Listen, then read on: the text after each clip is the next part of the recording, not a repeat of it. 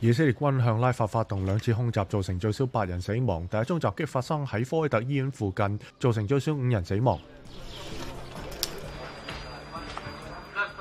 印度北部嘅哈爾德雅尼當局實施無限期宵禁，並且下令警察射殺違反宵禁嘅人。名為命令九嘅活動人士試圖喺以色列同埃及之間嘅尼扎納過景點，阻止人道主義援助進入加沙。巴基斯坦一場歷史性投票因為發生零星暴力、流動電話服務被關閉、同前總理伊姆蘭汗同佢嘅政黨被邊緣化而受到影響。俄羅斯總統普京星期四喺接受美國電視主持人卡爾森采訪時，話可能會釋放正在等待間諜指控審判嘅《華加日報》記者。